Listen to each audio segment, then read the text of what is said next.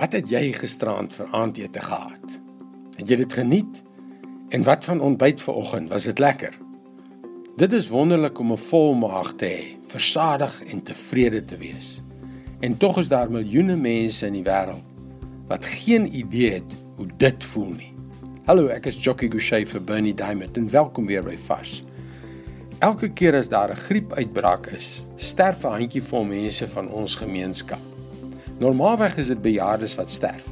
Het jy geweet dat dit 'n bekende feit is dat begrafnisondernemings in die winter goeie besigheid doen? Wat gebeur as daar baie groter uitbraak is? 'n Epidemie, 'n pandemie soos die voëlgriep, die SARS en nou die corona. Die paniek. En tog lyk dit asof ons willens en wetens die feit kan ignoreer dat meer as 40000 mense elke dag van honger sterf. 2/3 van hulle is kinders. Stop en dink mooi. 40000 daagliks. Hoekom raak ons op hol oor virusse en steur ons nie aan die 40000 nie? Ek vra jou, waarom is daardie 40000 nie die belangrikste item op elke aand se nuusbulletin nie? Miskien is dit omdat ek en jy virusse kan kry. Maar ons gaan nie honger ly nie. Miskien stel diegene van ons wat die nuus kyk meer belang in dinge wat ons raak, ons gemak, ons vrede, ons vreugde as in die ondenkbare lyding van miljoene honger mense.